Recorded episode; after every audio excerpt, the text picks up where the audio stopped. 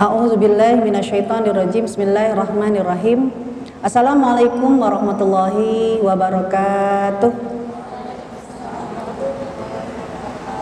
Alhamdulillahi rabbil alamin wa bihi nasta'in wassalatu wassalamu ala asyrafil anbiya'i wal mursalin wa ala alihi wa ashabihi ila yaumiddin amma ba'd. Asyhadu an la ilaha illallah wahdahu la syarikalah wa asyhadu anna Muhammadan abduhu wa rasuluhu la nabiyya ba'dah. Allahumma salli ala Muhammad wa ala ali Muhammad fil alamin innaka Hamidum Majid. Uh, Alhamdulillah akhwat filah serta rekan-rekan muslimat yang dirahmati oleh Allah Subhanahu wa taala. Tidak ada kata yang paling pantas yang keluar dari lisan kita menutup sore hari ini kecuali rasa syukur kita kepada Allah Subhanahu wa taala dengan mengucapkan alhamdulillah. Moga-moga duduknya kita di majelis ini Allah Subhanahu wa taala menyaksikan bahwa kita serius ingin menjadi abadan syakuro hamba yang senantiasa bersyukur. Dengan demikian pastilah janji Allah bagi orang-orang yang bersyukur tidak akan pernah Allah lengah tidak pernah Allah ingkar janji. Karena la in syakartum la azidannakum siapa yang bersyukur kepada Allah maka Allah akan tambahkan bilangan-bilangan kenikmatan kepada kita lagi. Ya alhamdulillahirabbil alamin. Uh, pada kesempatan kali ini karena memang waktu kita singkat sedangkan uh, pembahasan tentang uh, polemik darah wanita ya menjadi hal yang cukup urgen sebagai seorang muslimah ya dan juga belajar tentang fikih muslimah. Saya lebih senang mengucapkan dengan fikih muslimah. Kenapa? Uh, karena saya punya banyak pengalaman ketika saya mengisi uh, kajian fikih dengan nama fikih wanita. Kan tadi ya uh, Mbak MC saya lupa namanya Mbak Titi ya. Uh, ya kan? Ya Mbak Titi kan bilang fikih wanita. Ada yang aneh nggak ketika kita disapa dengan belajar fikih wanita? Ada yang aneh nggak? Uh, kalau yang lempeng-lempeng aja mah nggak aneh. Nah yang rada-rada mencong ini yang banyak sekarang ya karena suatu kali saya ditegur ibu kok ngajarinnya kita fikih wanita sih berarti nggak hanya uh, ustadznya ustazahnya pun seakan-akan diskriminasi terhadap kita terhadap perempuan saya bilang belum mulai udah dibilang diskriminasi memang kenapa saya bilang ya habis ibu nyapanya dengan wanita berarti ya seorang muslimah ketika disapa wanita hanya ngurusin soal sumur, kasur, dapur, ya hanya urusan rumah. Dulu kementerian kita adalah Kementerian Peranan Wanita. Sekarang diganti jadi kepemberdayaan perempuan. Karena kalau disapa wanita itu wani ditoto. Ya, berarti hanya manusia yang dinomor duakan ya. Nah, untuk itulah pada pembahasan kali ini saya ingin mengajak akhwat semua ya memahami tentang hakikat ya, hakikat fikih yang akan kita bahas di antara fikih wanita. Allah Subhanahu wa taala menyapa kita dengan satu surat yang disebut dengan surat An-Nisa. Terjemahannya apa? Hmm, wanita atau perempuan? ya wanita atau perempuan ya bahkan fikih pun para ulama banyak menyebut dengan fikun nisa fikih an nisa ya nah kalau demikian kita harus tahu ketika Allah menyapa kita seorang muslimah di dalam Al-Qur'an itu dengan kosakata berbagai macam variasinya ya dan setiap kata beda makna ya dan juga beda konsekuensinya. Sehingga ketika orang-orang feminisme tidak suka disapa wanita, lebih suka disapa dengan perempuan. Kenapa? Karena kalau perempuan tidak hanya urusan rumah, perempuan itu eksis. Ya, pemberdayaan perempuan berarti eksis tidak hanya di rumah tapi bisa ke sosial. Kan seperti itu. Nah, maka kita lihat jawaban itu semuanya ada dalam Al-Qur'an. Maaf nggak ada di slide. Ya, adanya di Al-Qur'an akhwat semua. Nah, mari kita lihat Allah menyapa kita seorang muslimah dengan tiga kosakata. Pertama, dengan kata al-unsa. Ya, dalam surat Al-Hujurat, surat 49 ayat 13. Terserah terjemahannya apa. Karena kalau terjemah tergantung si penerjemah. Ya. Tapi dalam surat Al-Hujurat ayat 13 Allah menyapa kita dengan al-untha. A'udzubillahi minasyaitonirrajim. Ya ayuhan nasu inna khalaqnakum min dzakari wa untha wa ja'alnakum syu'uban wa qabaila lita'arafu. Inna akramakum indallahi atqakum. Wahai manusia, sesungguhnya Allah menciptakan kamu laki-laki dan nah, terjemahannya akhwat perempuan atau wanita perempuan ya Allah menyapa dengan al-unsa kalau memang diterjemahkan perempuan kenapa nama surat untuk kita bukan suratul unta tapi suratul nisa. Pakai ta ya bukan pakai ta. Kalau kepleset bukan un dan jadi namanya terunta al-unta kenapa? Kok Allah memberi nama bukan suratul unta tapi suratul nisa? Kan begitu? Uh, karena ketika Allah menyapa al-unta berarti Allah menyapa kita dengan bentuk biologis kita. Dengan bentuk organ intim kita. Yaitu organ intim kita al-unta. Sedangkan organ intim laki-laki zakar. Ya, nggak usah diterjemahin ya, karena di sini banyak ya yang bisa paham secara biologis. Al-unta berarti biologis ya organ intim perempuan. Al-zakar organ intim laki-laki. Sehingga ketika Allah menyapa al-unta berarti menyangkut masalah biologis. Dan ayat ini ketika Allah menyebutkan al-unta biasanya ayatnya tentang reproduksi manusia. Perkembangbiakan manusia. Ya, lihat ayat ini.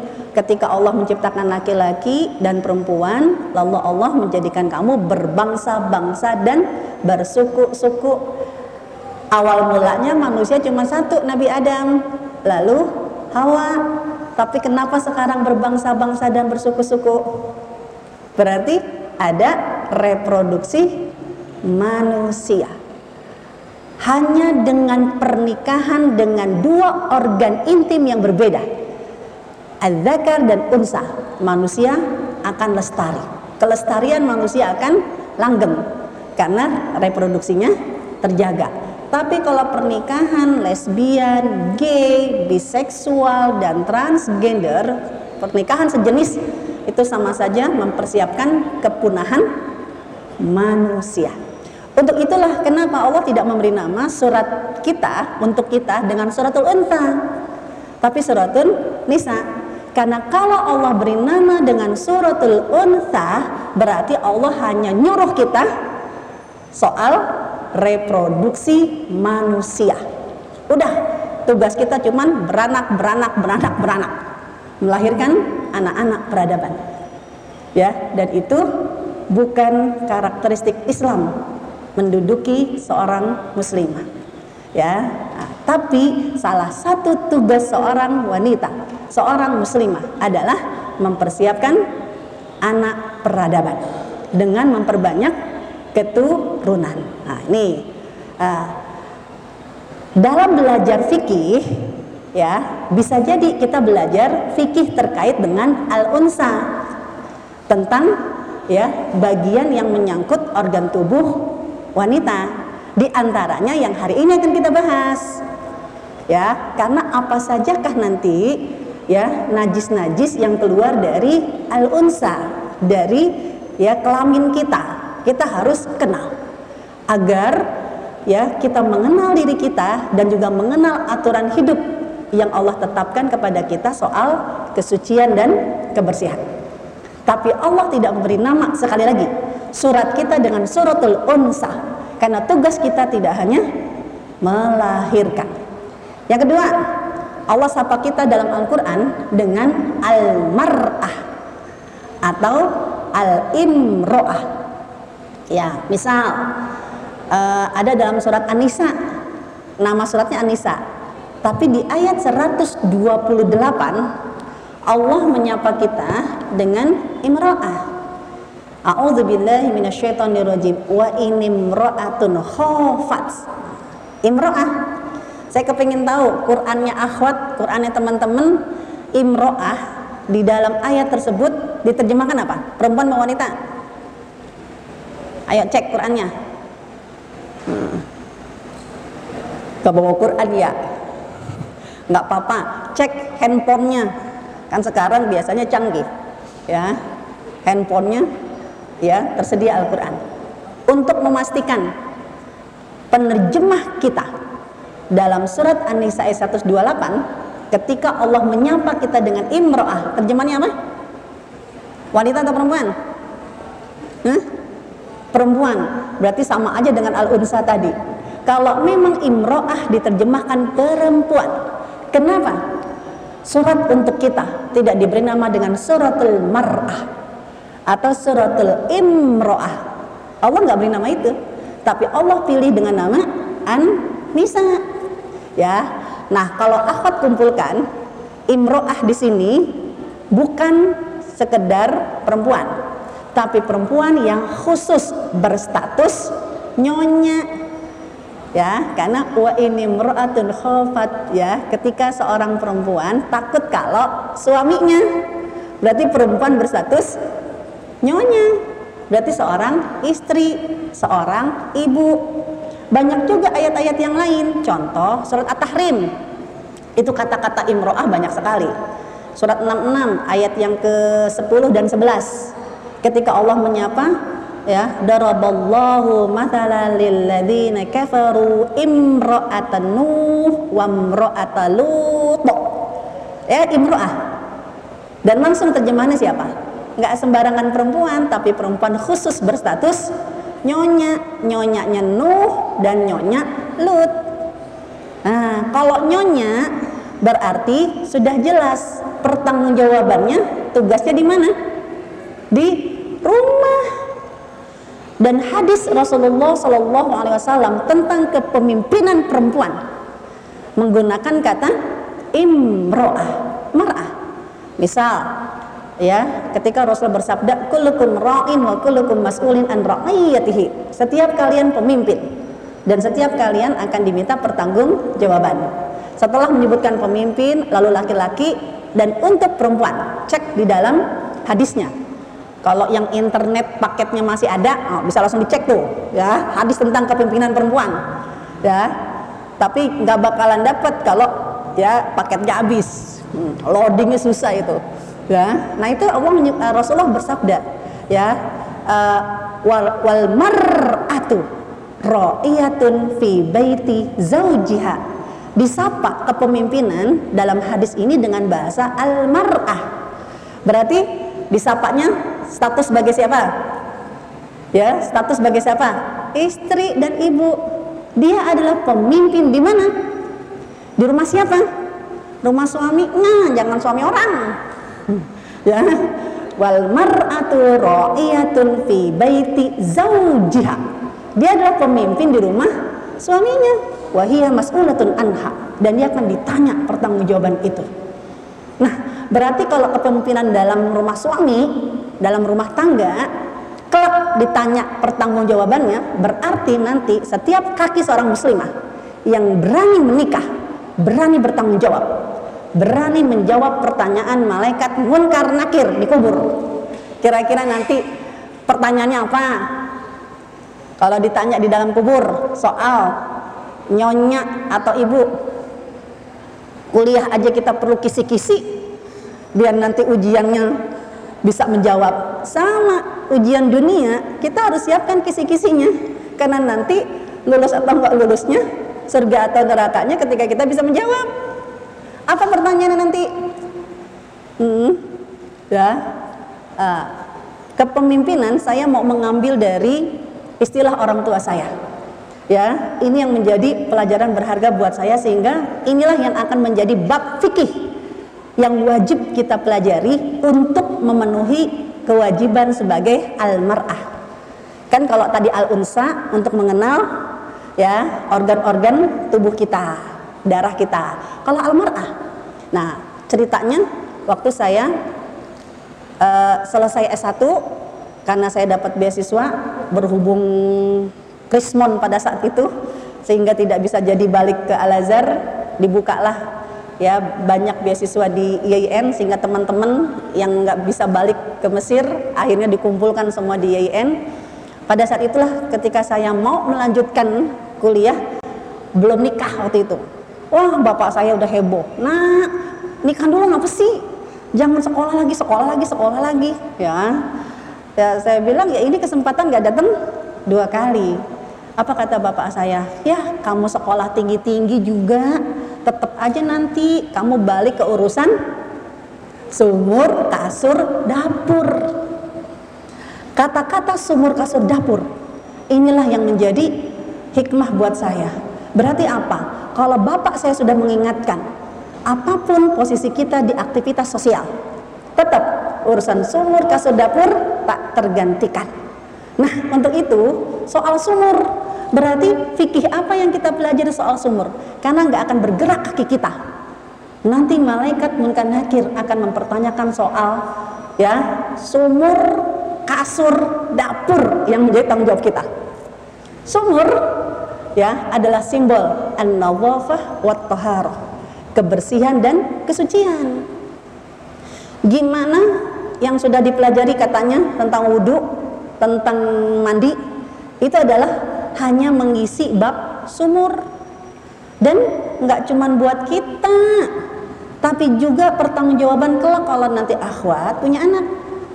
Ada sebuah hadis Rasulullah Shallallahu Alaihi Wasallam ketika seorang laki-laki apa ketika Rasulullah melewati kuburan apa kata Rasul di dalam kubur ini ada yang diazab Allah karena apa karena ceboknya nggak bersih kok segitu fatalnya cebok nggak bersih, kenapa diazab kubur?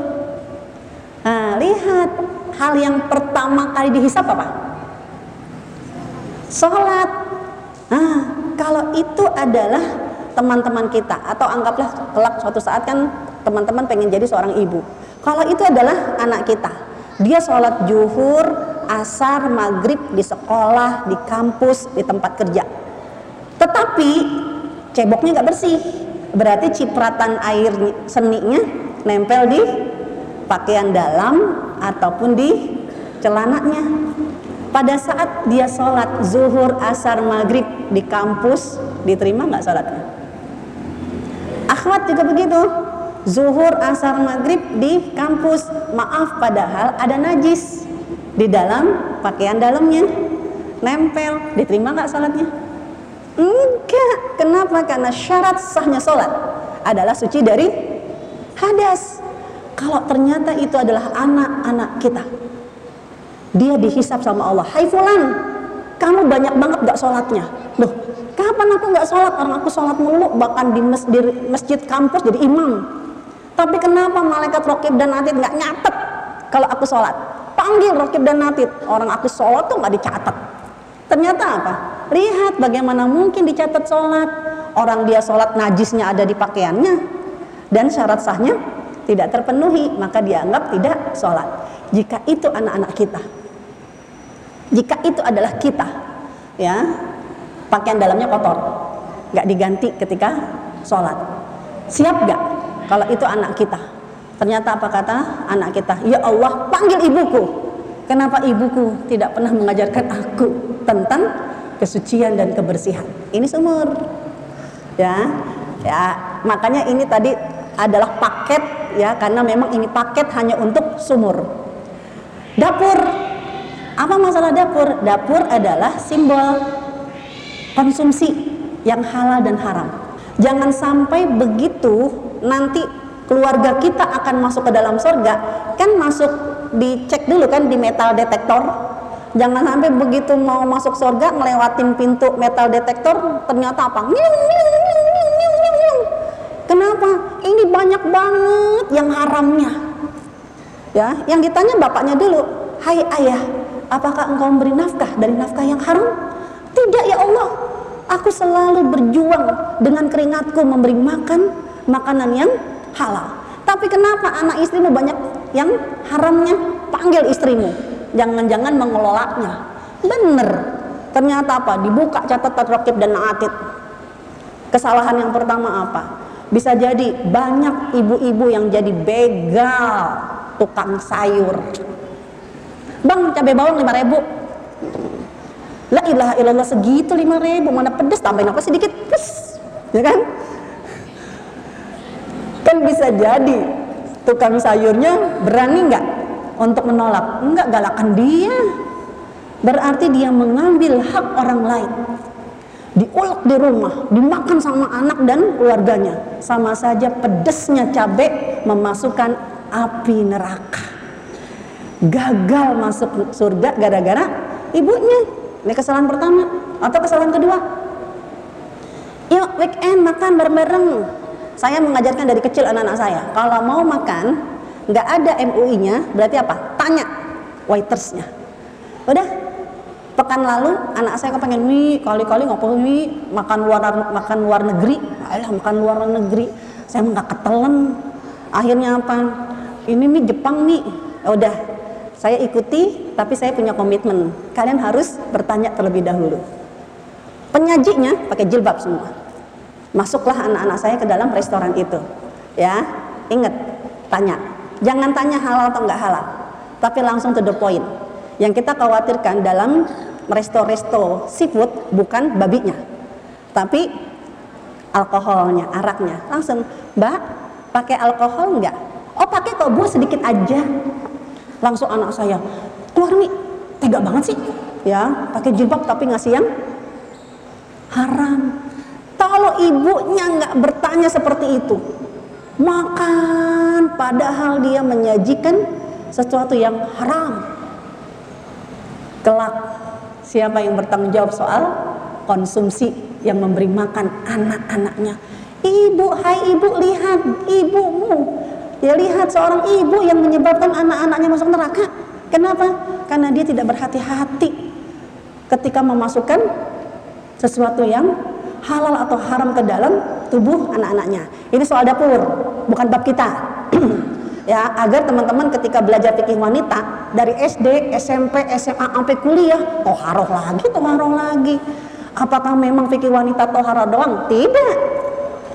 Tadi al-unsa soal ya segala najis keluar dari organ kita. Soal istri berarti bicara masalah tadi sumur. Lalu dapur dengan fikih halal dan haram makanan, minuman, rezeki yang halal, pengelolaan harta itu adalah ilmu-ilmu fikih untuk membahas dapur. Soal sekarang kasur. Kasur adalah simbol teman seranjang. Berarti urusan apa? Ahwalus syaksiyah. Soal suami istri dari mulai percarian jodoh, lamaran, hitbah ya, kemudian sampai pernikahan, sampai terjadi hak dan kewajiban rumah tangga dan kalau ada konflik seperti apa, itu hanya bagian untuk memenuhi hak kita di kolom kasur yang hanya simbol teman seranjang.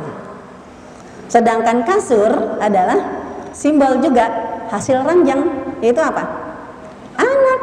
Berarti apa? Parenting skill, tarbiyatul aulad adalah pelajaran fikih wanita untuk memenuhi ya kewajiban kita ya agar bertanggung jawab soal anak.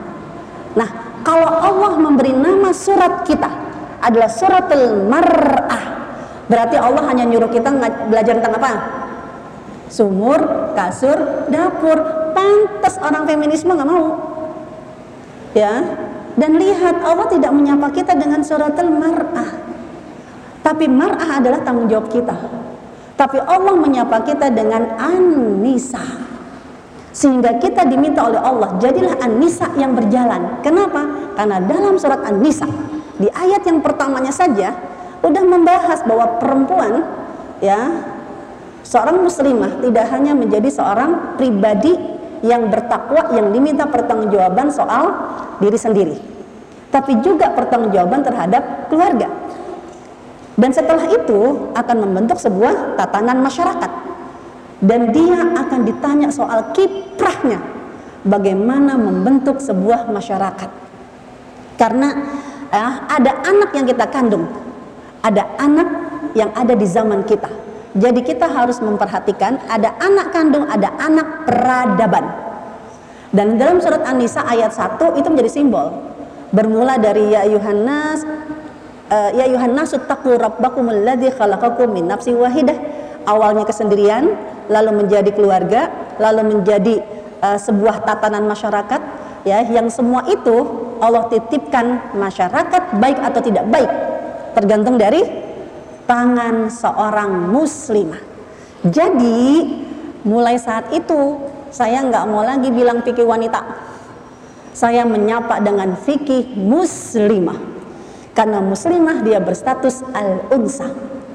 Nggak boleh ada yang ngaji pakai jilbab tapi tengok punyanya apa.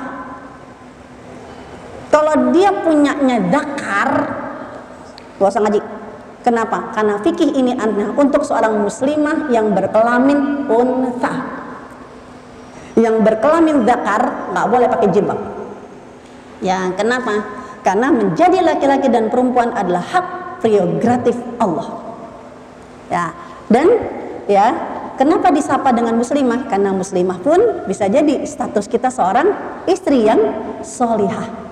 Dan kenapa kita juga disapa ya fikih muslimah? Karena muslimah bisa jadi dititipkan anak bangsa ini. Dengan peran kalau bicara masalah anisa berarti bicara masalah peran.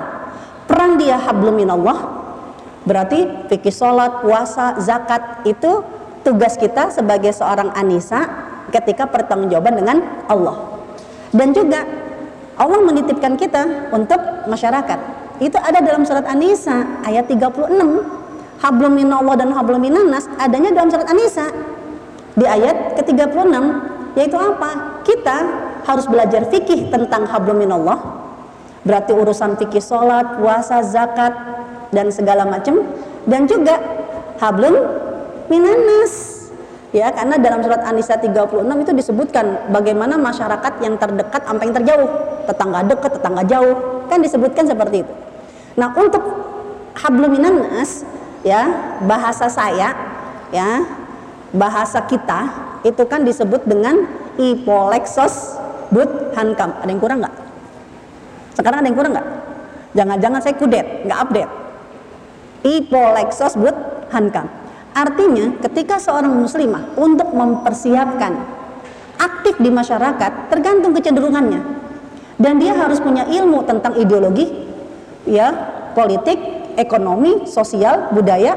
Sehingga apa? Kalau akhwat lihat buku fikih muslimah lengkap, itu nggak cuma ngurusin soal rumah tangga, saya punya buku fikih lengkap. Kan banyak buku fikih fikih biasa. Nah, fikih muslimah ada 11 jilid. Itu sampai urusan sosial, ekonomi, budaya, pertahanan, keamanan ada untuk wanita. Kenapa? Karena majunya sebuah bangsa tergantung kitanya. Nah, jadi maksud saya prolog belajar fikih ketemu sama saya fikih darah bukan berarti dari dulu SD, SMP, SMA, kuliah ngomongin fikih wanita mau ngomongin air melulu. Tidak. Berarti teman-teman panitia harus punya silabus yang konfrensif bahwa mengantarkan ya eh, teman-teman ini tidak hanya memahami soal al-unsa tapi dia sampai memahami surat An-Nisa sehingga jadilah setelah belajar fikih An-Nisa akan menjadi surat An-Nisa yang berjalan. Nah, sekarang yang kedua, karena kita membahas tentang al-unsa, ya tadi yang pertama kenapa saya nggak mau pakai fikih wanita, ya, tapi pakainya fikih muslimah. Yang kedua, Islam mengajarkan kita dua hal. Ini dia. Islam mengajarkan kebersihan. Kalau disebut dengan kebersihan, bahasa Arabnya apa? Hmm. An-nadhafah. Itu kebersihan. Banyak syiar-syiar menyebutkan an-nadhafatu minal iman kebersihan sebagian dari iman tapi Islam mengajarkan juga tentang kesucian bahasa Arabnya kesucian apa at-toharoh ya Dan dalam surat Al-Baqarah ayat 222 Allah menyebutkan ya surat Al-Baqarah 222 ini ayat tentang haid. Ayat tentang ya ayat-ayat cintanya Allah kepada kita seorang perempuan. Allah menyebutkan innallaha yuhibbut tawwabina wa yuhibbul mutatahhirin. Taharah Allah mencintai orang-orang yang bertaubat. Dan diulang, Allah mencintai orang-orang yang bersuci. Emang apa bedanya bersih sama suci? Hmm. Kalau bersih sebagian dari iman. Kalau suci mening, apa mengundang cintanya Allah. Karena saya mau tanya, uh, kita nggak bawa mukena, posisi sholat kayaknya nggak mungkin nggak pakai mukena. Kenapa?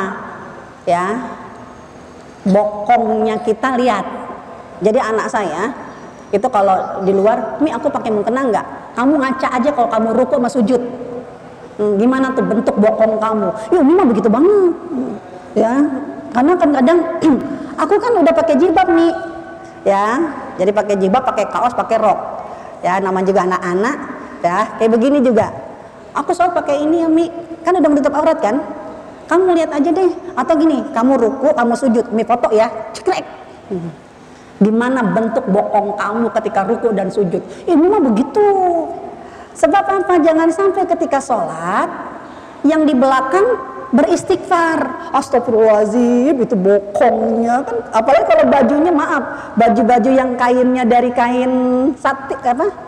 Uh, yang dicin-cin namanya jersey. Itu kan begitu ruku sujud plus. Wow. Gitu kan?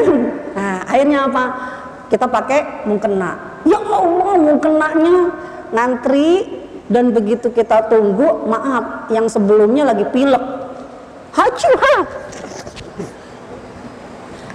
Terpaksa udah nungguin yang saya tanya.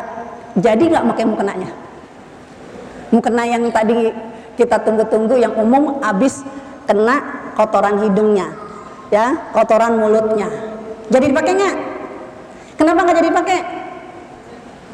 Ih, najis deh. Jangan sembarangan ngomongin najis. Ya apakah kotoran hidung najis? Apakah kotoran mulut jigong kan bau najis? Terus kenapa nggak dipakai? Jijai menjijikkan. Nah, tolong dibedakan. Bersih berarti terhindar dari yang namanya kotor yang belum tentu najis. Tapi kenapa kita nggak mau pakai? Jangan bilang in najis deh gue, nggak boleh. Ijijai boleh. Kenapa? Ini nggak bersih lah, bau lah. Hmm. Dan Islam suka dengan kebersihan. Yang nggak mau pakai mukena, udah pakai kos kaki. Eh ternyata kos kakinya, saya makanya paling seneng kalau yang bawahnya hitam, karena saya pernah di belakang orang yang pakai kos kaki, kos kakinya ya Allah ceplakannya udah kelihatan debunya, ya ini jorok banget, ya kan? Apakah ketika sholat dengan kos kaki yang kotor seperti itu sah atau tidak sah? Sah atau tidak sah? Sah atau tidak sah cuma dua, sah atau enggak? Sah. Tapi jijai. Kenapa? Karena menyangkut tidak sah kalau itu adalah najis. Ya, kotor memang tidak najis, tapi Allah menginginkan seorang muslimah harus bersih. Ya, sehingga apa? Babnya itu harus ya sunanul fitrah ya memotong bulu ketiak, memotong bulu-bulu yang ada dalam tubuh kita. Sampai saya bilang sama anak saya dan saya nggak akan kasih uang jajan ke anak saya kalau syarat kebersihan tidak terpenuhi. Yaitu apa? Umi nggak mau yang pakai jilbab yang berjenggot ya anak saya dua satu laki-laki satu perempuan ya udah gede-gede semua nggak akan Umi kasih uang jajan dari kecil kalau tiga huruf B A empuk, bau, sehingga apa? Pakai dulu ya deodorannya. Dulu waktu masih kecil pakai MBK. Ya, ya mandi yang bersih. Kenapa? Kalau seorang muslimah anggun, dinamis, tapi begitu kita deket istighfar kita, ya Allah, bau sorga. Emang mau masuk sorga? Baunya kayak begitu? Ih, ya kan? Jadi ama ya, jangan menunjukkan sesuatu yang tidak bersih dari tubuh kita. Karena Islam suka dengan kebersihan. Bukan nggak boleh pakai minyak wangi. Pertama, emang ada larangan. Hadisnya ada kok dalam Sunan Nasai. Ciri eh, ciri minyak wangi perempuan itu soft, baunya lembut, ya, warnanya pekat. Tapi kalau anda nggak mau pakai wangi-wangian, silakan tapi bukan berarti boleh bau-bauan. Wangi tidak boleh menzolimi. BAU pun nggak boleh menzolimi. Lanjut. Nah, sekarang bab kita. Suci. Kalau bab suci berarti bicara masalah najis. Walaupun orang lain nggak tahu. Misalnya apa? Ya, ada najis yang keluar dari unsa kita, dari kelamin kita. Ada dua, ya, yaitu berbentuk cairan. Yang fokus dari punya kita aja ya, ya, karena kan angin udah biasa, ya, yaitu apa? Ada cairan, ada darah. Bisa jadi cairan ataupun percikan darah itu orang lain nggak tahu, ya, tapi Allah maha tahu, ya. Sholatlah kita, ada najis di dalam tubuh kita, ada keputihan dalam tubuh kita, sah nggak? Sah nggak? Nggak sah. Karena kebersihan adalah syarat eh, kebersihan, kesucian adalah syarat sahnya sholat. Sehingga bicara masalah kesucian berarti bicara masalah harus tahu tentang najis. Nah, sekarang masuk ya. Najis harus kita kenali. Pertama, warnanya, bentuknya dan baunya. Yang kedua, cara mensucikannya pun harus benar, nggak boleh ngasal. Nah, kemudian apa saja najis itu khusus yang punya kita. Nah, punya kita ada yang berbentuk cairan. Yang sehat warnanya putih. Yang udah ada bakteri bisa jadi warnanya kuning. Bakterinya makin pekat warnanya hijau dan mulai berbau. Tetap bahasa kita adalah keputihan. Tapi bahasa Arabnya itu ada tiga, ya, tri kembar. Jadi besok kalau punya anak jangan namain anak ini Wadi, Madi, dan Mani. Ini semua adalah keputihan yang keluar dari faraj kita, dari kelamin kita. Kok namanya beda? Karena beda nama tergantung penyebabnya dan juga cara mensucikannya ya juga ada yang berbentuk darah sama-sama darah tapi gimana ya warnanya udah mulai merah merah muda udah mulai kuning udah agak coklat nggak merah pekat ya. Tapi kenapa nanti darah pun ada tiga nama? Haid nifas dan istihadah. Karena beda nama karena menyangkut beda sebab keluarnya. Saya mau tanya mani wadi dan madi udah pernah dibahas? Nah, kalau gitu tuntas kita bahas. Mani wadi dan madi tadi sama-sama keputihan di mana bedanya wadi dan madi ya adalah najis ringan kenapa disebut ringan karena cukup dengan istinja dan berwudu. Emangnya apa itu wadi? Apa itu madi? Intip. Hmm. Berarti B dan C dulu. Kita mulai dari C. Wadi adalah cairan keputihan yang memang karena hormon. Besok mau ujian, uh stres. Akhirnya ser. Nah, kan gitu kan? Eh begitu ujian nilainya bagus, saking senengnya bisa jadi ser putihan capek ser putihan Ya, tanda-tanda mukmin juga keputihan. Itu namanya wadi. Keputihan. Tapi ada juga madi. Madi keputihan yang keluar karena sebabnya terangsang. Ya. Ya, melihat gambar, terbayang sesuatu. Saya mau ngambil contohnya Ali bin Abi Thalib. Jauh dari istrinya Kemudian teringat sama Fatimah. Bagaimana kenikmatan dengan Fatimah. Keluar keputihan. Ya. Namanya madi. Jadi keputihan itu bisa milik laki-laki, bisa milik perempuan. Saya mau ngasih contoh ya untuk madi karena terangsang. Di hadis Nabi adalah kisahnya Ali bin Abi Thalib. Akhirnya apa? Mandilah Ali bin Abi Thalib. Yang namanya inget bisa nggak dilupain? susah makin dilupain makin kuat ingetnya baru selesai mandi inget lagi akhirnya mandi lagi keluar lagi sampai mudayyik kok berat perasaan Ali ya Allah inget mandi lagi inget mandi lagi kenapa inget-inget ya akhirnya mengadu sama Rasul tapi nggak berani ngomong langsung kenapa karena kalau ngadu sama Rasul berarti ngadu tentang putrinya yang menyebab yang menyebabkan dia mandi melulu. Lalu apa kata Rasulullah? Itu kan cuman terangsang. Berarti bicara masalah pemikiran. Apa kata Rasulullah? Aksil dakraka.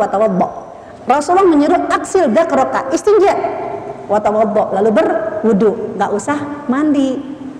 Nah, jadi mandi dan wadi ringan karena cukup istinja lalu berwudu. Jadi akhwat, jangan sampai udah tahu kita tipe perempuan yang suka wadi. Dikit-dikit wadi, dikit-dikit wadi.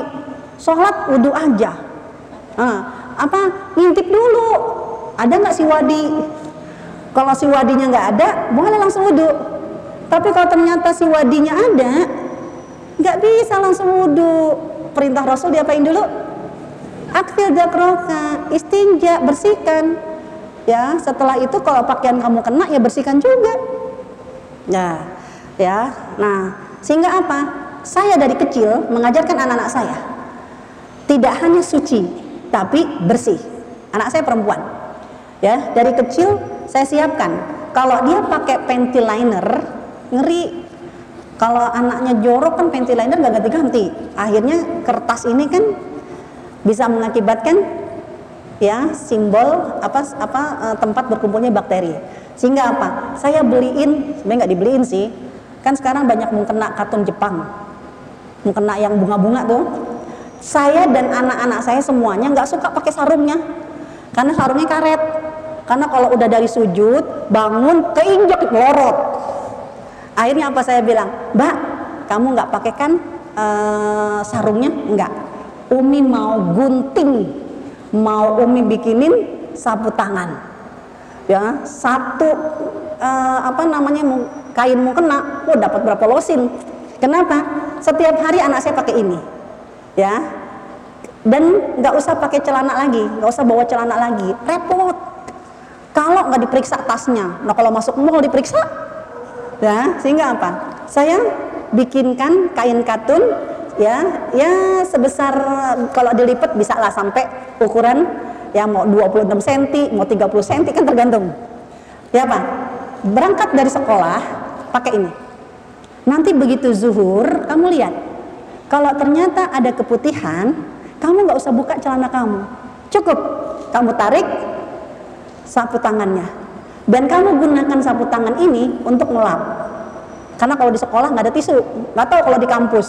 Kali keren ada tisu WC ada nggak? Oh sama aja. Karena kalau nggak ada gitu nanti dia ngelapin pakai baju sekolah. Ya sedangkan kalau nggak dilap kan basah. Basah menyebabkan bakteri. Ya kan? Sehingga apa? Udah kamu angkat dan kamu lap. Lalu kamu ambil yang kedua. Ya kamu pakai kenapa karena nanti asar kalau terjadi apa-apa dengan wadi kamu ya kan celana kamu bisa ambil lagi ya Ya, kenapa? Karena anak saya bilang, Bu, Mi, emang kalau dicuci nggak boleh? Bukannya nggak boleh. Dicuci, kamu pakai lagi. Berarti pakai dalam kondisi basah. Akan menyebabkan bakteri. Sedangkan bakteri berarti tidak bersih, menyebabkan sakit, ya tidak sehat. Sehingga belajar fikih pun belajar kesucian dan belajar kebersihan. Ada lagi anak saya nanya, Mi, nanti copot nggak? Takutnya kan copot, copot atau nggak copot? Ini pengalaman. Tergantung kendor atau kenceng celana kamu. Kalau kamu pakainya kendor, aduh copot, lebih pernah kayak begitu, hilang nggak tahu ke mana. Eh tapi alhamdulillah kalau keput tangan begitu orang nggak tahu itu apaan. Orang pembantu saya pernah waktu dia kecil, anak saya yang kecil ini ya panas. Begitu pulang saya lihat kaget saya dikompres pakai sapu tangan itu la haula wala quwata illa billah Artinya kalaupun jatuh orang nggak tahu itu apa, dikirain sapu tangan cewek biasa. nah lanjut, kalau mani itu khusus, dia harus dengan mandi. Kenapa? Karena mani kondisinya dua, keluar karena memang hubungan badan suami istri, atau karena bangun tidur basah, keluar ya cairan bangun tidur basah seperti anak laki-laki. Jadi kalau nanti punya anak laki-laki, jangan menyebabkan si anak jatuh pada pornografi gara-gara ibunya nggak paham tentang mani. Kenapa anak bisa jatuh pornografi? Karena anak suka nanya, Mi, Mi, uh, katanya kalau anak laki-laki itu dewasa, uh, tandanya mimpi. Mimpi apa sih Mi? Ayo kalau ditanya kayak gitu mimpi apa? Kayak mimpi apa? Ada aja. Ya, dia akhirnya katanya mimpi basah nih. Ya mungkin ngompol kali. Nah, bisa jadi. Nih adik mimpi mau apa mimpi basah. Jangan dia tidak mendapatkan jawaban dari orang tuanya. Kalau dia tidak mendapatkan jawaban dari orang tuanya, dia akan bertanya sama Mr. Google. Ngeri. Nggak ditelusuri aja ngeri gambarnya. Apalagi ditelusuri karena saya sebelum jatuh kepada anak saya kepada pornografi, saya kepengen tahu. Kalau saya tidak bisa menjawab dengan baik, saya mau tahu Google jawab apa. Saya tulis mimpi basah. Nauzubillah min zalik. Ini tidak boleh dilihat oleh anak saya. Jauh sebelum anak saya bertanya, saya kasih tahu. Jadi apa kata Rasulullah? Al-ma'u bil ma'i. Gak usah cari tahu mimpinya apa. Tanya aja bapakmu. Bapakmu ngerti tuh. Nah, kalau bapaknya kagak piktor, kalau bapaknya piktor, pikiran kotor. Cukup ibunya yang menjawab. Karena Rasulullah mengatakan al-ma'u bil ma'i. Lihat, ketika kamu bangun tidur, ada nggak cairan mani? Kalau ada berarti mandi. Kalau nggak ada berarti nggak usah mandi. Mau mimpinya apa terserah, karena mimpi tergantung apa yang dia lihat, apa yang dia dengar. Gara-gara itulah anak saya saya kenalkan dari sejak kecil. Kakaknya sekarang udah dewasa saya bilang dari kelas 5 SD, kamu perhatikan sebelum kamu taruh pakaian dalam kamu di mesin cuci. Setiap bangun tidur, kamu cek. Nih, basah, cium. Karena habis main bola langsung tidur kan, berarti keringetan. Cium. Bau nih, cium baunya apa? Baunya kayak apa? Bau nih, ih, namanya bau bujang. Saya bilang bau di pakaian dalam saya terjemahkan bau bujang Begitu dia udah mulai dewasa, eh udah mulai dewasa, udah mulai keringetan, kan bau tuh ketiaknya. Cium. Ya, bau ketek kamu. Beda kan sama bau bujang kamu. Iya, Mami, tapi sama-sama bau kan? Hmm. Nah, kemudian apa? Kadang dia bukan ngompol. Anak saya tuh sukanya ngencerit. Uh, pengen buang air ke gak keburu, cerit. Gitu Namanya apa ya? Bahasa anak saya ngencerit. Cepirit berarti ke belakang dong. Di depan. Siapa? Dia bilang eh cium dulu. Ini bau lah. Baunya kayak apa? Bau pesing. Berarti apa? Bukan mani. Kalau bau bujang berarti keringat kamu. Kalau bau e, pesing berarti pipis kamu encerit kamu nah suatu hari kalau ternyata pakaian dalam kamu basah jika airnya jernih tunggu nanti sebentar lagi pakaian dalam kamu akan mengeras. Tapi kalau dia seperti kotoran hidung, dia mengental. Ya, maka itu namanya mani. Udah, Gak usah pakai nanya, oh mimpi apa? Enggak. Cukup kenali najisnya. Ya, bentuknya seperti itu. Saya nggak mau eh, baunya kayak apa, karena saya pernah. Saya bilang baunya kayak backlin, uh, kapok. Ada satu produk ngepel, baunya kayak backlin. Ya, saya pernah pakai tuh, nggak mau nyebut nggak mau nyebut produk. Begitu saya ngepel, pas bapaknya pulang, pas anak-anak mencium, apa kata anak saya? Nih, ini bau mani yang nih ya, bau sperma. Sobi sobi bilang, anakku diajarin apaan? Ini gara-gara aku bilang kayak backlin. Jadi dia sampai, ini bau sperma ya Mi? Akhirnya apa? Enggak, saya nggak mau lagi bilang kayak backlin. Ya, pokoknya bentuknya lihat seperti itu. Baunya silakan cium masing-masing. Ya, nah ini harus mandi. Berikutnya, ya ada yang membedakan keputihan yang bersih, sehat dengan indikasi penyakit. Pertama, kalau dia bersih, warnanya putih atau bening. Kalau kuning, berarti apakah nanti dia disebut penyakit atau dia adalah sisa-sisa darah haid. Nah, ini harus kita kenali dulu. Kemudian ya tidak berbau tanpa diringi rasa gatel dan tidak mengalir terus menerus. Kalau ternyata bu keputihan saya nggak berhenti berhenti ya Allah. Nah, ada sebuah kaidah. Jika keluar keputihan di luar kebiasaan maka ya bisa jadi ini penyakit ya karena terkontaminasi pakaian kita dengan kuman. Dan kalau sudah disebut dengan penyakit maka bisa jadi dia suci untuk sholat yang akan kita lakukan setelah istinja dan wudhu. Tapi menjadi najis untuk sholat yang berikutnya misal aduh saya mau keputihan mulu memang lagi uh, ada masalah. Udah istinja dulu lalu berwudu. Begitu sholat aduh berasa banget keluar. Aduh berasa banget keluar. Ya memang nggak tertahan maka dia suci untuk sholat pada saat itu. Tapi najis untuk sholat yang berikutnya. Setengah jam lagi kita bahas tentang darah. Saya mau memulai dari cerita. Saya pribadi ketika melahirkan anak yang pertama ya sebelum melahirkan Rabu saya masuk Jumat baru lahir lama kan kalau anak anak pertama begitu. Ya. Akhirnya apa? Pengalaman yang menarik ketika saya di rumah sakit bersalin. Jam 4 sore memang jadwal visit dokter. Tapi saya pikir kan dia bisa datang jam berapa aja. Sebelum praktek ataupun setelah pasien pulang. Udah, saya sholatlah ya di musola. Musola rumah sakit itu. Pulang ke kamar, saya ditegur sama susternya. Apa kata suster? Ibu dari mana? Sholat. Tadi dokter ke sini. Ya saya sholat. Ya, apa yang saya tidak terima adalah ketika suster bilang begini, ibu ngapain sholat? Ibu tuh udah mau melahirkan, udah enggak sholat lagi karena udah keluar darah, karena memang sudah ngeflek. Ngeflek. Ibu tuh udah keluar darah, ibu tuh nggak perlu sholat. Ngapain ibu sholat? Udah saya bilang, suster, setiap darah saya pasti punya nama. Apakah darah yang keluar dari faraj saya namanya haid? Ya gimana dibilang men, orang hamil? Apakah disebut dengan nifas, darah melahirkan? Itu belum, belum melahirkan. Terus darah yang keluar namanya darah apa suster? Ya darah tanda-tanda persalinan. Namanya ngeflek.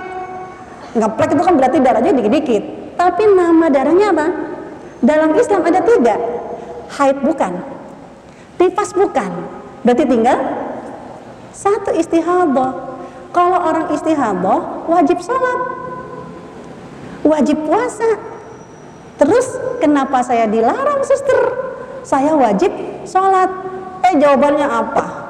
Tapi yang jibab-jibab kayak ibu banyak tuh pada kagak sholat.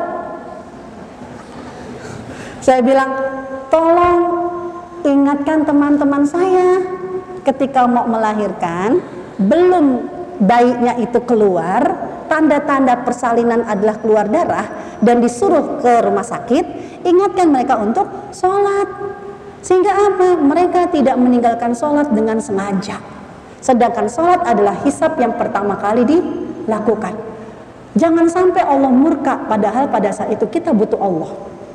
Nah, ini gara-gara nggak kenal nama-namanya, ngeplak ngeplek ngeplak ngeplek, ya kan? Eh, lihat, ada darah haid. Darah haid adalah darah yang keluar dari rahim wanita. Ya, yang sudah balik. Warnanya merah, hitam, coklat, kuning dan keruh. Anak saya yang udah gadis, yang tadi saya cerita, ya ini belum ngerti, ya. Um, ya, ya uh, pernah bertanya sama saya, nih, emang warna darah kita warna-warni? Iya ya, kenapa dulu juga saya nggak pernah nanya sama guru saya? Ya, kan dalam buku fikih memang hitam, coklat, kuning dan keruh. Anak saya bertanya, emang warnanya nah, warna darah kita warna-warni nih?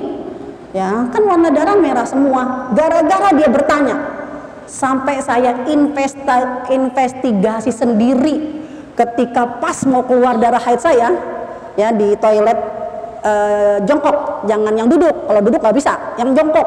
Saya ngelongok, tungguin. Begitu tes merah, ternyata lama-lama hitam. Berikut berikut berhari-hari tes, ternyata lama-lama kuning. Oh, jadi merah, hitam, coklat, kuning dan keruh bukan saluran warna darah kita. Warnanya mah tetap merah, tapi tergantung encer atau kentalnya. Yang kedua, terlihat di kain yang ya terkena darah tersebut dia akan hitam ketika memang lagi kental. Ya, dia akan coklat ketika sudah mulai tidak kental lagi. Dia akan kuning ketika sudah mulai bercampur antara merah dengan putih. Banyakan putihnya sih tapi masih ada kuning-kuning. Nah, para ulama menyebutkan kuning dan keruh dianggap darah haid kalau sudah diawali warna sebelumnya. Hmm, jadi saya main 8 hari. Enggak 8 hari itu merah terus. Hari pertama, kedua, ketiga, keempat, oke, okay, merah, coklat, ya hitam coklat deh pokoknya. Tapi begitu hari kelima, enam, tujuh, saya nggak perlu pakai softtek. Kenapa? Karena keluarnya udah sedikit. Bahkan di hari 7 dan 8 nggak ada yang keluar. Tapi saya tetap menganggap haid. Kenapa? Karena Rasulullah yang menyuruh Sebelum membersihkan, ambil seuntai kapas. Colekkan ke tempat keluar darah. Seret. Lihat. Kalau sudah seputih kapas, tandanya sudah suci. Tapi belum seputih kapas, berarti belum suci. Sehingga apa? Di hari ke-7 ke-8 saya bolak-balik colak-colek. Pernah pengalaman seorang muslimah datang ke rumah saya. Di luar Ramadan, mennya lama, yes nggak apa-apa Kenapa? Mau ke mana-mana enak. Begitu Ramadan datang ke rumah, aku mau konsul boleh nggak? Silakan. Ya karena tetangga. Ramadan jam 6 habis sahur. Eh ternyata apa? Dia bawa kapas. Kenapa mbak? Aku tadi udah mandi dan aku udah sahur. Karena aku udah nyolek mau minta konfirmasi ini udah seputih kapas apa belum ih emangnya saya tegang lihat kapas orang saya bilang ya sudah melihat kapas kamu Ya Allah, aku habis sahur, lagi enak-enaknya menikmati sisa-sisa makanan sudah ngeliat, nggak mau Jangan enak apa? Saya ambil kapas di kamar saya. Nih, kapas ini belum dipakai ke mana-mana. Saya kasih air jernih. Saya bilang sama teman saya, nih kapas yang tadi kamu bawa jejerkan dengan kapas yang barusan saya masukkan ke dalam air jangan di neon.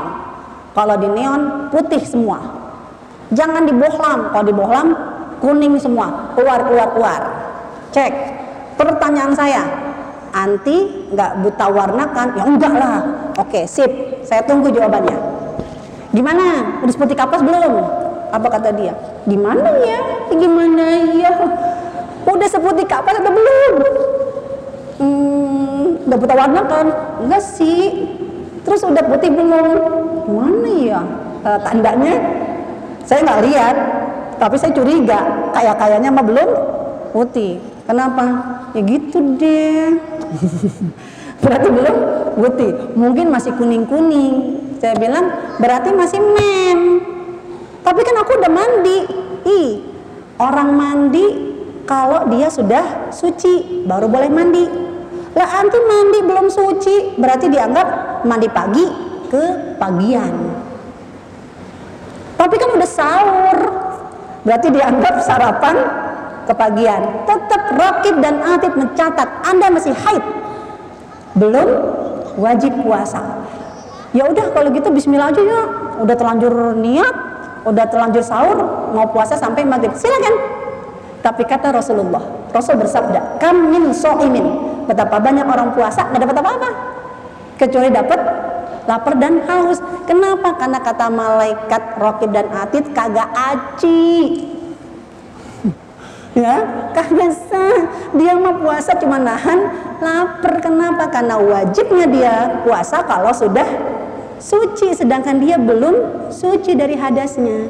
Nah dari sinilah akhwat ya. Untuk itu harus tahu warna darah sudah kita ketahui kapan? Minimal satu hari maksimal dianggap persis seputih kapas ada dua punya kebiasaan atau enggak?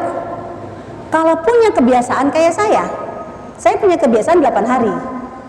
Kenapa? karena menjadi patokan. Kalau keluar entah merah, hitam, coklat banyak ataupun kuning di luar kebiasaan saya. Di hari ke-10, 11, 12 saya nggak akan terkecoh Ingat kenapa saya bilang tidak terkecoh? Karena inna syaitana yajri bijari dam. Syaitan itu menggoda kita melalui peredaran darah. Yang membuat kita kacau adalah sholat apa enggak ya, sholat apa enggak ya, puasa apa enggak ya, puasa apa enggak ya. Itu udah ulahnya syaitan. Saya nggak akan terkecoh. Ini sudah hari ke-10. Berarti di luar kebiasaan saya.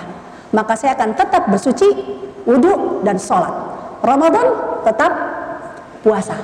Kenapa? Karena kadang yang membuat berubahnya kita karena penyakit. Karena hormon yang sudah mulai pakai alat kontrasepsi. Itu akan membuat berantakan. Terutama yang penyakit. Hati-hati. Kita biasanya 8 hari. Kok di hari ke-11, 12 keluar darah lagi ya? Sakitnya sama, pinggang, perut. Tapi udah hari ke-12, mungkin udah berubah kali ya. Eh, Jawabannya cek dulu ke dokter. Ada nggak masalah? Ya, kenapa? Karena rahim kita mengikuti siklus kebiasaan kita. Anggap ini rahim. Mens itu keluar darah. Artinya kalau kebiasaan kita sampai 8 hari berarti dinding kita, dinding rahim kita udah nggak ada darahnya lagi. Diganti dengan selain-selain warna putih. Kok di hari ke-10 pakaian dalam kita berwarna darah? Hati-hati, jangan-jangan ada luka di rahim, di mulut rahim, di leher rahim, atau di mulut vagina. Kenapa? Keringat yang jernih. Kalau ngelewatin jerawat yang berdarah, maka keringatnya akan berwarna seperti darah. Hati-hati, karena saya punya teman. Kayaknya saya berubah deh sekarang kebiasaannya. Cek, akan biasa kalau udah nikah itu berubah. Udah, dia ngeyel, biarin aja. Dua tahun kemudian, doain aku ya Cin. Kenapa? Aku ada kistanya. Udah besar 5 cm hmm, Allah sudah memberikan deteksi Anda yang paling mengenal diri Anda. Lewat darah haid kita. Nah ini. Kemudian tapi sakitnya sama. Emang sumbernya sama dari rahim. Ya sekarang lihat. Nifas nifas adalah darah yang keluar setelah melahirkan. Baik ada anak maupun keguguran. Hanya nanti masalah khilafiyah adalah keguguran usia berapa bulan. Itu khilafiyah. Ya, terserah. Ada yang menganggap men, ada yang menganggap nifas itu terserah. Ya, tapi tetap dia disebut najis. Ya, karena keluar dari dalam rahim dari mulut vagina. Semua yang keluar dari lubang kubul dan lubang dubur adalah najis. Ya karena darah haid dan darah nifas posisinya sama. Wanita yang najis nggak boleh sholat puasa. Hanya untuk darah nifas maksimal 60 hari. Imam Syafi'i. Eh mohon maaf. Ya Imam Hanafi. Imam Syafi'i 40 hari. Ya kenapa saya harus cantumkan seperti itu dulu saya bersikekeh saya mau 40 hari aja 60 hari kayaknya. Itu orang yang males itu. Ya saya mau 40 ternyata apa? Saya diajarkan oleh Allah langsung secara fisik saya. Setelah hari 40 saya masih keluar darah. Hari ke-45 saya kontrol ke dokter. Saya bilang dok kenapa hari ke-45 saya masih keluar juga ini? Ini kayaknya udah mulai ya pendarahan apa kata beliau? Hi, kan situ yang tahu. Kalau nifas itu kan bisa 60 hari. Oh, iya iya. Ternyata apa? 40 atau 60 adalah perbedaan madhab yang tergantung bahasa tubuh kita. Dan saya nggak bisa 40 hari. Ternyata saya 60 tapi bukan berarti begitu. Oh yes 60 kagak sholat. Enggak hari ke-25 bersih seputi kapas mandi. Eh 30 keluar lagi berarti nifas lagi segala macam. Ya mandi lagi tapi setelah 60 ya saya datang lagi ke dokter. Dok ini sudah lebih 60 saya masih keluar darah. Berarti apa? Saya cabut ya ayudinya kenapa? Karena ya kan ini namanya pendarahan. Langsung saya disuntik yang di paha tuh yang menahan darah. Itu namanya pendarahan kenapa? Kalau masih 60 masih logis. Masih ya ada batasannya. Tapi kalau lebih dari 60 berarti pendarahan. Nah itu. Nah sedangkan istihaboh adalah darah yang keluar. Bukan karena haid. Bisa jadi di luar-luar kebiasaan haid atau bukan nifas seperti kasus saya. Ngeplek-ngeplek tadi. Berarti namanya istihadah. Nah, terakhir akhwat. Ya, kalau memang darah haid dianggap wajib kita bersuci ketika sudah seperti kapas, maka pada saat itu kan kita wajib sholat. Saya mau bertanya sebagai evaluasi. Teman-teman bisa jadi pas jam 12 siang di kampus. Eh, nyolek ke kamar mandi udah seputih kapas. Pertanyaan saya, zuhur berkumandang, sholat nggak? Sholat nggak? Kan hari-hari akhir men, ya bisa jadi kok kayak kita saya saya 8 hari di hari ke-8 jadwal kampus jam 12 kita mau pipis kita sambil nyolek ternyata udah seperti kapas ya kita sholatnya. Itu hari-hari terakhir. Sholatnya. Gimana caranya sholat? Harus mandi. Jangan sampai ya nggak sholat lah. Kenapa nggak sholat? Ya kan di kampus. Allah juga maha tahu. Emang Allah tahu situ di kampus. Dan Allah lebih tahu situ tidak mau sholat. Ya kenapa? Karena terhalangi sebab tidak mandi nggak mau tahu nggak nyari tahu nggak mau tahu sok tahu atau pura-pura nggak tahu. Kewajiban sholat tetap dilakukan. Terus mandinya caranya gimana? Masa diajarin mandinya. Di mana? Emang nggak ada tempat kamar mandi di sini yang buat mandi? Ada. Berarti nggak ada alasan. Mandi. Kan malu. Emang ngomong-ngomong eh gue mau mandi ya gue mau mandi ya. Tapi kan ketawa, takut terjebar jebur memang mandinya perlu jebar jebur pelan-pelan aja ya kan biar nggak ketahuan. Ya kenapa? Karena Allah maha tahu. Situ sudah suci. Maka situ wajib sholat. Dan sholat harus dilakukan dengan mandi terlebih dahulu. Adapun hal-hal yang dilarang bagi orang yang haid ya sholat udah pasti iktikaf udah pasti ya tawaf sudah pasti yang khilafiyah eh, puasa udah pasti yang khilafiyah adalah membaca Al-Quran. Saya mau cerita aja pengalaman terakhir. Saat haji kemarin Alhamdulillah ya, atas doa akhwat semua ya jamaah haji semuanya masyarakat Indonesia banyak yang sukses ya. Pulang dengan selamat dan mabrur amin. Pengalaman saya karena kita gelombang satu begitu nyampe di Madinah banyak teman-teman yang men karena tidak pakai pil penahan haid.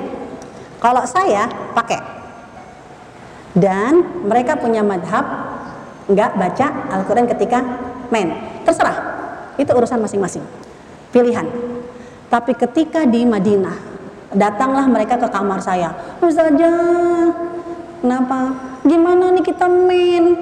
Ya terus mau diapain? Mau disodok, disumpel, ya gak bisa. Terus gimana orang-orang pada arba'in kan pada sholat di Masjidil Nabawi ke Raudo kita boleh nggak? Ya kagak boleh. Kan nggak tahu ini emang uh, apa uh, polisi-polisinya nggak tahu. Tapi Allah Maha tahu. Terus gimana dong? Ya nggak boleh. Ya kan baca Quran juga nggak boleh. Itu kan pilihan anda baca Quran nggak boleh. Terus 8 hari di Madinah kita ngapain nih? Udah, saya cuma kasih jawaban begini orang-orang bisa sholat di Madinah, berlama-lama di Raudhah, banyak orang-orang yang menikmati hatam Al-Quran di Madinah. Saya bilang sama ibu saya, jangan tinggalkan Madinah, kecuali kita dalam kondisi sudah hatam. Ya, kalau itu adalah unggulan teman-teman yang lain. Pertanyaan saya, apa amal unggulan yang kamu pamerkan ketika kamu di Madinah dalam kondisi haid? Malah nangis, terus jadi apaan dong? ya, karena itulah jika tidak punya amal unggulan, ada madhab yang memperbolehkan. Kenapa memperbolehkan baca Al-Quran? Karena memang Qurannya yang dimaksud bukan Quran yang di bumi, tapi Quran di langit. Balhuwa Quranul apa uh, uh, la yamassuhu illa al-mutahharun tidak boleh menyentuh kecuali orang-orang yang suci dalam surat Al-Waqiah ya ini terkait dengan Quran yang di Lawil Mahfuz. Ada yang bermadhab seperti itu sehingga bukan Quran yang di bumi. Sehingga apa? Ketika memang ada madhab yang mengatakan seperti itu dan itu bisa menjadi alternatif buat kita maka pilihlah amal unggulan kita adalah walaupun sedang haid kita bisa hatam Al-Quran. Tapi kalau memang Anda tetap bermadhab, nggak mau baca Al-Quran ketika haid, nggak masalah. Tapi tolong cari amal unggulan apa yang kamu pamerkan. Ketika 8 hari, 15 hari kamu mens. Jangan sampai dikerubutin sama setan. Tapi ada amal unggulan yang kita pamerkan. Apalagi kalau kita mati dan kondisi haid. Ada amal unggulan yang tetap kita lakukan. Itu pilihan. Wallahu a'lam bisawab. Akhirul kalam. Assalamualaikum warahmatullahi wabarakatuh.